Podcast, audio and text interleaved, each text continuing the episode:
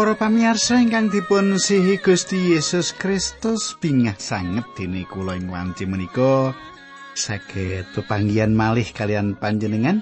Wonten ing salebetipun adicara margi utami kula pendeta pujianto matur nuwun dumateng panjenengan ingkang tansah ndongaaken kula lan tansah ngiring kawula ing satunggalipun pepanggihan-pepanggihan nek mboten wonten panjenengan kula niku ora ana apa-apane. Khotbah kula sae-sae ora ana gunane awit ora ana sing ngrungokke. Nanging awit panjenengan tansah setya tuhu midhangetaken adicara menika pramila kula tansah gadah semangat. Anggen kula sering kepingin pinanggih kalian panjenengan. Sugeng midhangetaken adicara menika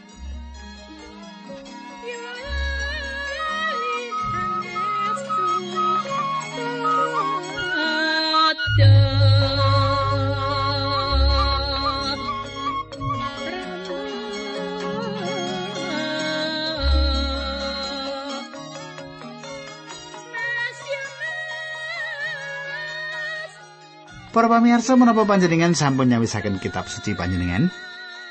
Saya menawi panjenengan sampun nyawisaken kitab suci lan panjenengan sampun bikak kitab suci panjenengan wonten ing Para Rasul bab 24 nggih.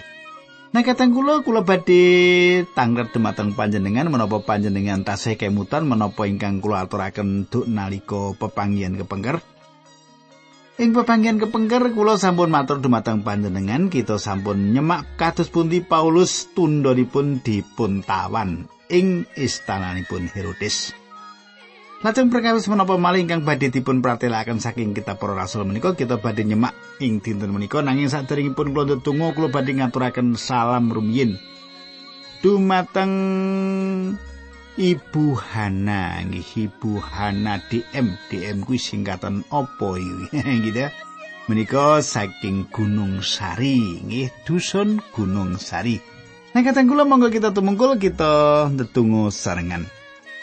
Duh Kanjeng Rama ingkang ada dampar wonten kraton ing kasuwargan kawula ngaturaken gunging panuwun menawi dalem menika kawula saged tetunggilan kalian sedherek-sedherek kawula ingkang setya tuhu midhangetaken adicara menika. Kawula nyuwun supados Gusti berkahi adicara menika nyuwun tulung supados tiang ingkang sedih saged kalipur, tiang ingkang ringkih saged kagiyataken. Dinambaran asmanipun Gusti kawula Yesus Kristus kawula tunggu haleluya amin.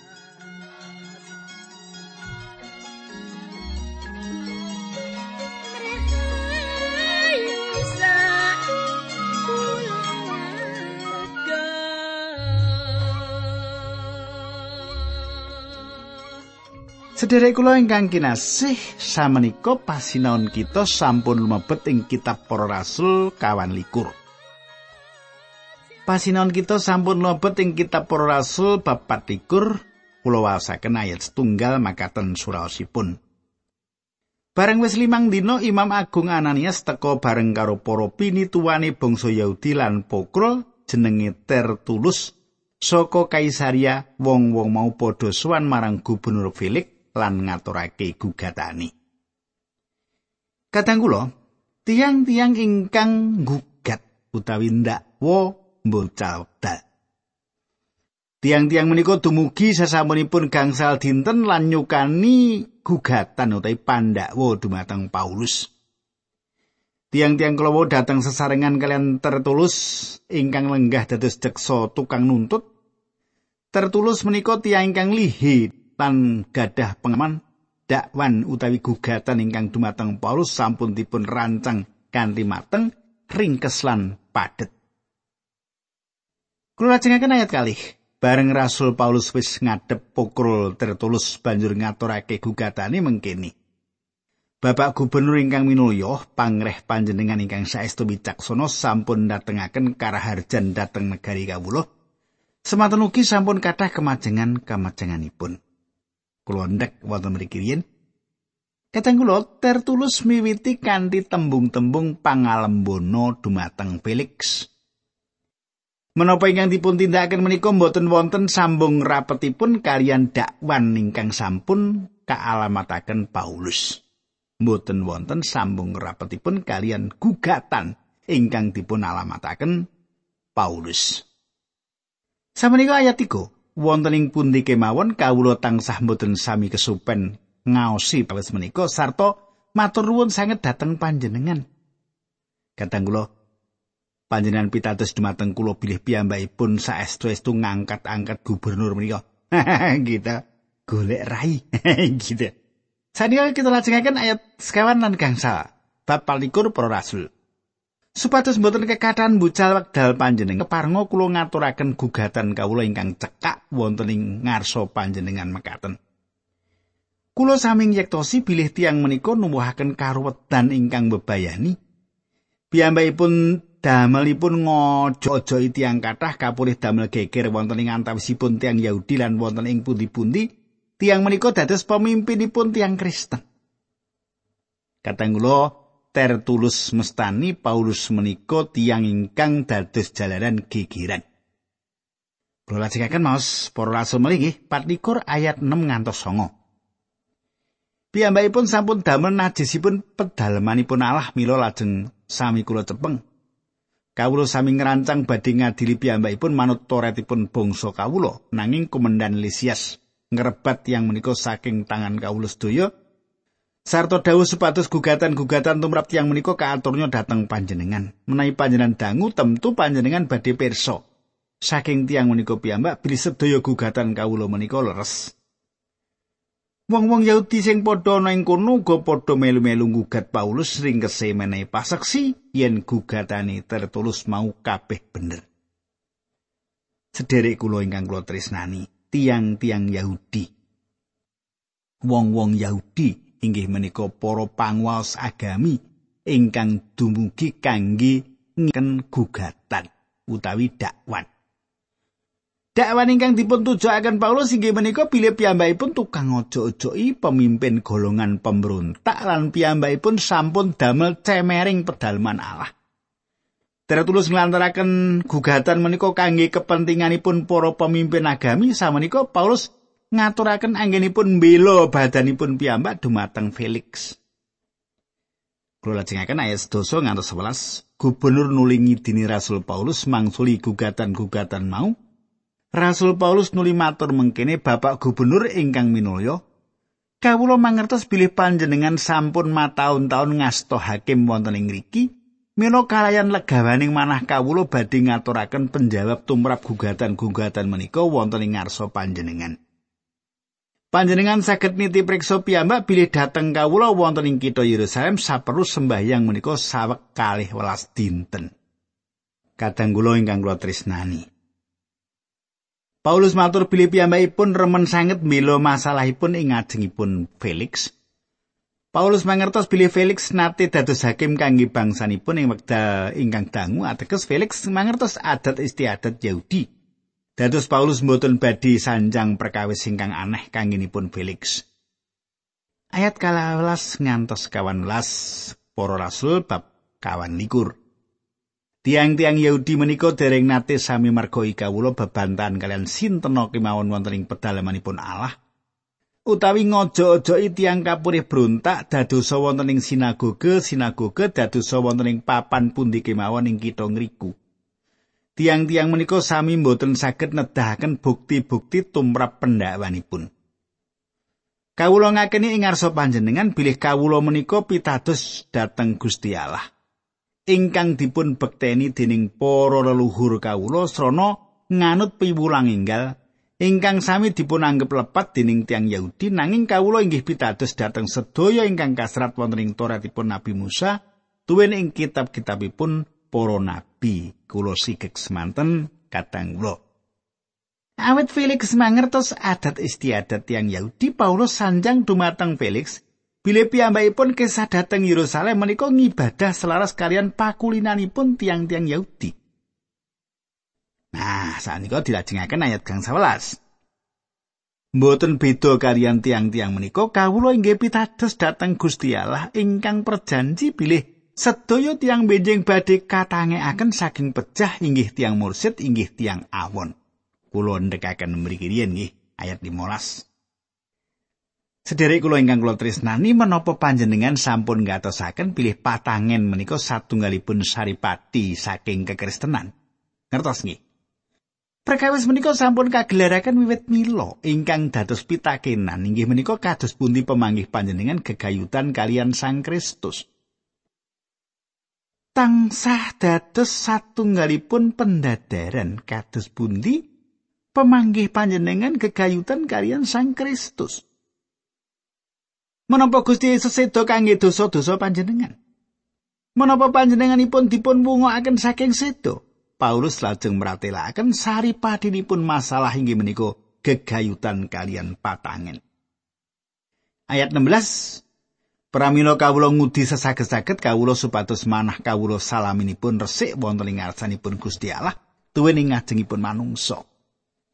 Kateng kula Paulus ngakeni bilih menapa ingkang sampun dipun tindakaken sampun selaras menapa ingkang wonten ing telenging manahipun. Ayat 17 Sesampunipun kepara dangu kawula mboten wonten ing kitha Yerusalem, kawula mriku kalian beto sumbangan kangge bangsa kawula ngiras badhe nyaosaken kurban. Kateng kula Paulus dumugi ing Yerusalem kanthi beto pisungsung ingkang dipun kempalaken sadangunipun piyambakipun kekesahan gelaraken Injil ingkang kaping 3. Gungungipun pisungsung saking tiang-tiang sanes Yahudi menika saestu ageng. Pisungsung menika dipun beto Paulus piyambak. mboten tiang sanes. Paulus piyambak. Samenika ayat 18 ngantos 19. Inggih nalika kawula ngleresi nindakaken perkawis-perkawis menika sasampunipun nindakaken upacara sesuci, tiang-tiang menika sami sumerep kawula wonten ing pedalamanipun Allah. Wonten ing riku mboten wonten resah menapa-menapa, malah nalika semanten ing riku mboten wonten tiang kathah ingkang sesarengan kalian kawula. Kejawi tiang Yahudi sawetawis saking tanah Asia malah sejatosipun inggih tiang-tiang menika ingkang mesinipun ngadhep ing ngarsa panjenengan. Semanten wau menawi tiang-tiang menika saestu gadah alasan kangge nggugat kawula. Para pamirsa. Panggugatipun utawi pandakwanipun tertulus inggih menika pilih Paulus menika sampun nuwuhaken gegeran ing salebetipun pedalaman suci. Kenging menapa tiang-tiang ingkang kapengaruh dening Paulus mboten nyukani pasaksi dumateng Paulus. Tiang-tiang ingkang sampun nganut pengaruh Paulus menika mboten wonten ing mriku. Paulus nggatosaken perkawis menika. Ayat kali dosa ngantos likur. Utawi kajengipun tiang-tiang menika meratelaken kalepatan menapa ingkang pinanggih wonten ing kawula. Nalika kawula dipun gugat wonten ing ngajengipun pradata agami. Kejawi jalaran saperkawis inggih menika margi kawula mungel kula dipun adili margi nggen kula pitados bilih tiang pecah badhe katangeaken malih. para pamirsa. Sepindah malih Paulus sanjang dumateng Felix bilih masalah ingkang sayektosipun inggih menika gegayutan kalian patangen. Patangen satunggalipun saripati pawartos Injil, Sang Kristus sedo kangge dosa-dosa kita. Dipun kuburaken lan wungu malih ing dinten ingkang kaping tiganipun. Manut kula kekristenan menika kados dinin monumen ingkang dipun sangga dening cagak kalih. Cagak ingkang sepindah inggih menika sedanipun Sang Kristus lan cagak ingkang kaping kalih inggih menika wungunipun Sang Kristus. Tanpa cagak ingkang setunggal utawi cagak ingkang sanes pramila monumen menika badhe ambruk. Kula lajengaken ayat kalih likur. Gubernur Felix sing akeh kawruh bab piulang Kristen nutup parepatan mau karo ngendika perkara iki bakal ndak putus semongso komandan Lisias wis ana kene. Para pamirsa, Felix nate mireng kegayutan margining pangeran menika. Piyambakipun mangertos bilih ingkang dipun khotbahaken inggih menika sedolan wungunipun Sang Kristus. Felix ngrumaosi bilih Paulus menika satunggal tiang ingkang ahli. Piyambakipun mangertos bilih Paulus satunggalipun tiang ingkang saged nyariosaken perkawis menika. Dados piyambakipun nunda putusan masalah gugatan tiang Yahudi lan piyambakipun gadah kekajengan mirengaken keteranganipun Paulus pindah malih kegayutan perkawis menika. Piyambakipun sanjang dumateng tiang-tiang Yahudi pilih piyambakipun badhe ngentosi ngantos Lisias dumugi lan nembe salajengipun piyambakipun badhe pikantuk cariyos singkang saleresipun tap menapa ingkang dumados atas Paulus.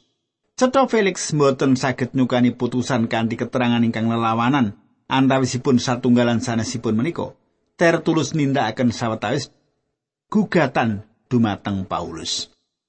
Kula lajengaken ayat 3 ikur. Felix nuli dawuh marang perwira sing lagi tugas supaya Rasul Paulus dijogo karo diwenehi kamardikan sawetara sarta ngidini para mitrane nyukupi kabutuhane. Katanggulo sejatosipun Felix saged kemawon ngowalaken Paulus, nanging piyambakipun menika tiang politik, tiang ingkang ahli ing babagan politik. Piyambakipun kathah nyukani kelonggaran dumateng Paulus nanging piyambakipun tetep dipun tahan. Samenika kula lajengaken ayat 24 ngantos langkung. Let sawetara dina Gubernur Felix teka karo garwane Drusila wanita Yahudi Felix dawuh nimbali Rasul Paulus, Rasul Paulus nritakake bab kapercayane marang Gusti Yesus. Nanging bareng Rasul Paulus mbacetake sesorae bab kelakuan lan bab panyegae hawa nepsu sarta pengadilan ing akhir jaman, Felix banjur wedi sarta muni wis mundura yen ana wektu kowe ndak timbali meneh. Kadang kula tiyang ingkang dosa mboten badhe nate gadah wewengan sae kangge mirengaken Injil. Tiang ingkang naminipun Felix menika sampun mangertos gegayutan Injil utawi margining pangeran. Ingkang sami kalian menapa ingkang kita sebat kekristenan ing wekdal samenika utawi iman Kristiani. Kula secara pribadi gadah kekajengan tembung margining pangeran menika dipun pulihaken malih kaginakaken awit kekristenan kados dene ingkang dipun ginakaken ing wekdal samenika satunggalipun tembung ingkang kathah dipun salah ginakaken lan sampun kecalan makna ingkang sejatosipun. Felix nimbali Paulus supados nyukani keterangan dumateng piyambakipun bab Injil ingkang sampun andadosaken kahanan ingkang dumados kados makaten. Para pamirsa ingkang kula tresnani, seratan ing kitab suci mboten meratelaken pilih tiang ingkang naminipun Felix menika. Satunggalipun tiang awan kados sing salebetipun sejarah kadonyan. Felix rumiyenipun inggih menika budak lajeng bebas kanthi sarana tumindak kejem ngantos saged nggayuh kalenggahan samenika.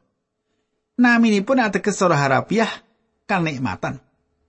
Inggih tiyang ingkang kados makaten menika Paulus dipun adepaken, dipun ajengaken. Nanging kitab suci mboten ngipati-pati. Drusila semaipun lenggah wonten ing sandingipun istrinipun menika lari setrinipun Herodes Agrippa tunggal.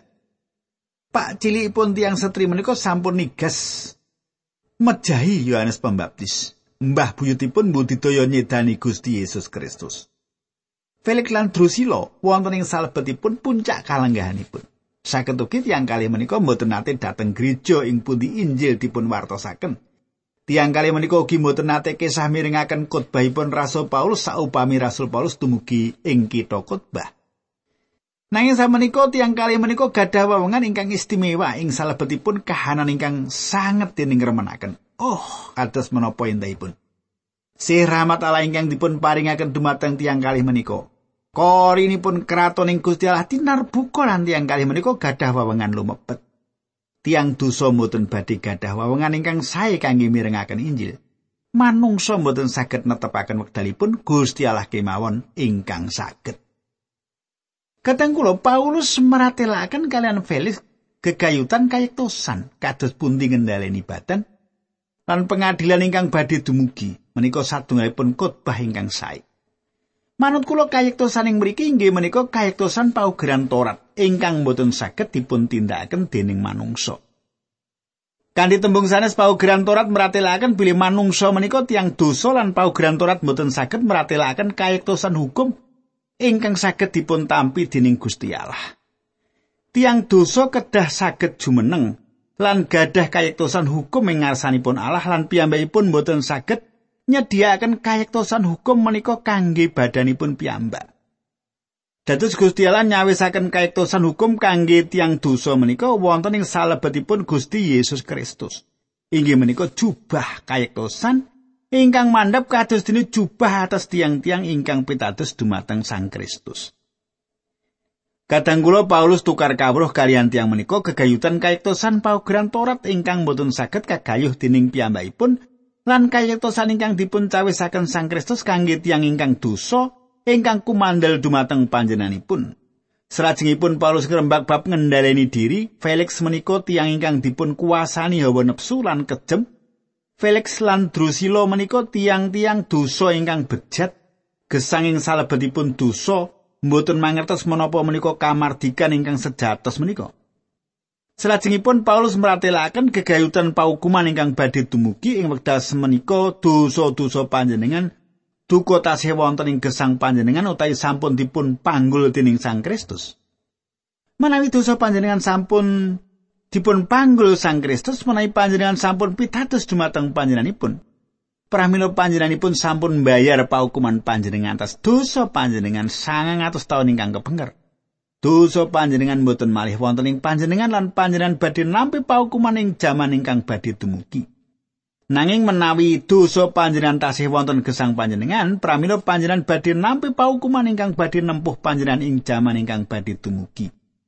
Tiang boten remen mirengaken paukuman ingkang badhe dateng. Nanging menawi dosa panjenengan dereng dipun tanggung dening Sang Kristus, Inggih menika menawi panjenengan dereng pitados dumateng panjenenganipun minangka juru wilujeng panjenengan, pramila panjenengan badhe ngadepi pengadilan. Panjenengan boten badhe saged mlajeng saking kasunyatan. Panjenengan badhe ngadepi pengadilan. Sekedhik sanget juru khotbah ingkang meratelaken perkawis menika. Kadang kula. Emodel Paulus kedah dipun adepaken dumateng Felix, Imam Agung Ananias sesarengan para pinituwaran ahli hukum Tertulianus dumugi kangge ndakwa Paulus. Felix sangat mangertos bilih tiang menika mboten gadah gugatan menapa-menapa. Tiang menika mboten gadah gugatan menapa-menapa. Felix kedahipun saged mbebasaken Paulus nanging Felix inggih menika satunggalipun ahli politik ingkang unggul lan mboten purun mengsai tiang Yahudi. Piyambakipun mboten nindakaken menapa ingkang leres nanging piyambakipun nindakaken menapa ingkang secara politik saged kasebat wicaksana. Salajengipun Felix ngawontenaken pirembagan pribadi kalian Paulus lan Paulus saestu-estu saged ngrogoh manahipun. Nanging Felix nunda putusanipun lan nunda pepanggian menika. Sabenika kula lajengaken ayat 16 sing mengkono kuwi merga Felix ngarep-arep supaya oleh duit sogoan saka Rasul Paulus kuwi sebabe Rasul Paulus kerep ditimbali lan diajak omong-omongan. Kadang kula piyambakipun menika ahli politik ingkang unggulan ugi tiyang ingkang asipat bajingan. Nuwun sewu menika. Felix gadah pengajeng-ajeng dipun beseli dipun sogok duit lan salajengipun badhe mbebasaken Paulus. Ah, ora saiki ora mbiyen nggih. Besel iki marake rusak negara. gitu. Ayat 17 sawise rong taun Gubernur Felix mulai diganti ning Gubernur Perkius Festus. Sarehne kepingin oleh hatine wong Yahudi mulane Rasul Paulus ditahan terus ana ing pakundaran. Para pamirsa, Felix tetap dolanan politik ngantos pungkasan gesangipun. Piyambakipun nilaraken Paulus wonten ing pakunjaran. Pengadilan Rom boten langkung saya tinimbang tiang-tiang kang nindakaken pengadilan. Menapa Paulus lepat utawi boten lepat? Menawi piyambakipun lepat, awit anggenipun kianat Paulus kedahipun dipun hukum pecah. Menawi piyambakipun boten lepat kedahipun dipun bebasaken. Nah, kateng kula kula cekapi semanten rumiyin kelajenganipun dinten candhaipun nggih. Nek kateng kula kita badhe ndedonga sesarengan nanging saderengipun ndedonga kula badhe ngaturaken salam. Tak bukae layange dhisik nggih. Gongoni sapa meneh iki nggih Inggih menika serat saking Pak Pitono Simeon. Wah, Pak Pitono Simeon menika asring kinten serat kateng kula. Seratipun ingkang pungkasan dereng kula balesi. nggih. Nyuwun ngapunten Pak Pitono nggih. Wah, repot era karuan nggih. Monggo kita tumunggul kita ndedonga sesarengan. Duh Kanjeng Rama ing swarga kawula ngaturaken gunging panuwun menawi dalem menika kawula saged tetunggilan kawula saged mirengaken dawuh pangandikan paduka. Dinambaran asmanipun Gusti Yesus Kristus kawula nyuwun Gusti berkahi sedherek-sedherek kawula menika. Haleluya. Amin.